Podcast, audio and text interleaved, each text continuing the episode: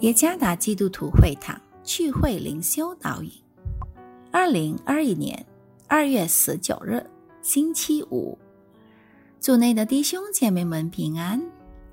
今天的灵修导引，我们将会借着圣经哥罗西书第三章第十八到二十二节来思想今天的主题：给家人的信。作者古发起牧师。哥罗西书第三章十八节：你们做妻子的，当顺服自己的丈夫，这在主里面是相宜的。你们做丈夫的，要爱你们的妻子，不可苦待他们。你们做儿女的，要凡事听从父母，因为这是主所喜悦的。你们做父亲的，不要惹儿女的气。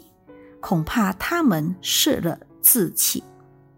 你们做仆人的，要凡事听从你们肉身的主人，不要只在眼前侍奉，像是讨人喜欢的，总要存心诚实，敬畏主。野性的互换这部电影叙述一头叫巴克的守护犬，它是一头受宠爱的狗。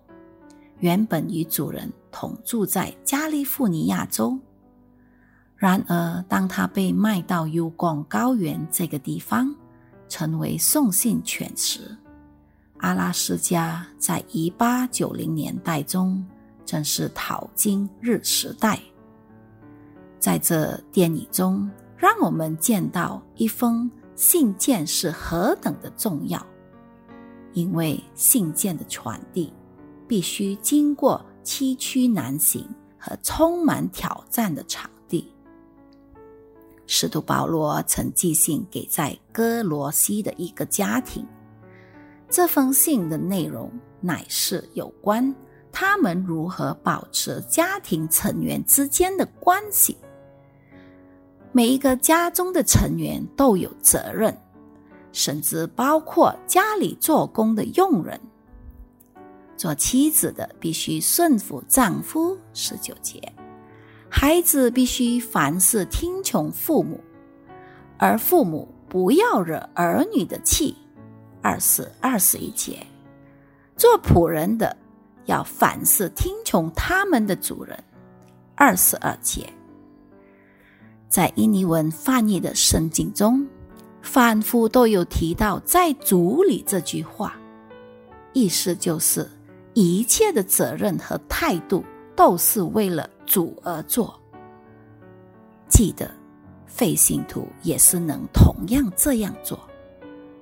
然而，一个基督的门徒乃是根据主的真理行事。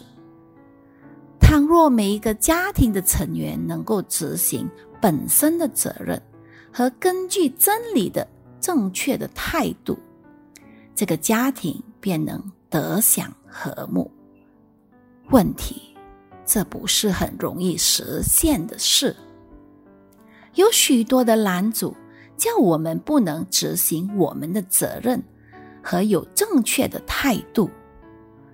我们可能更多要求别人，过于要求自己。现在是我们应该改过的时候了。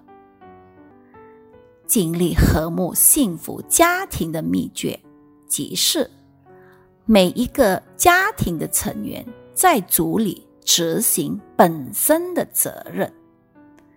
愿上帝赐福于大家。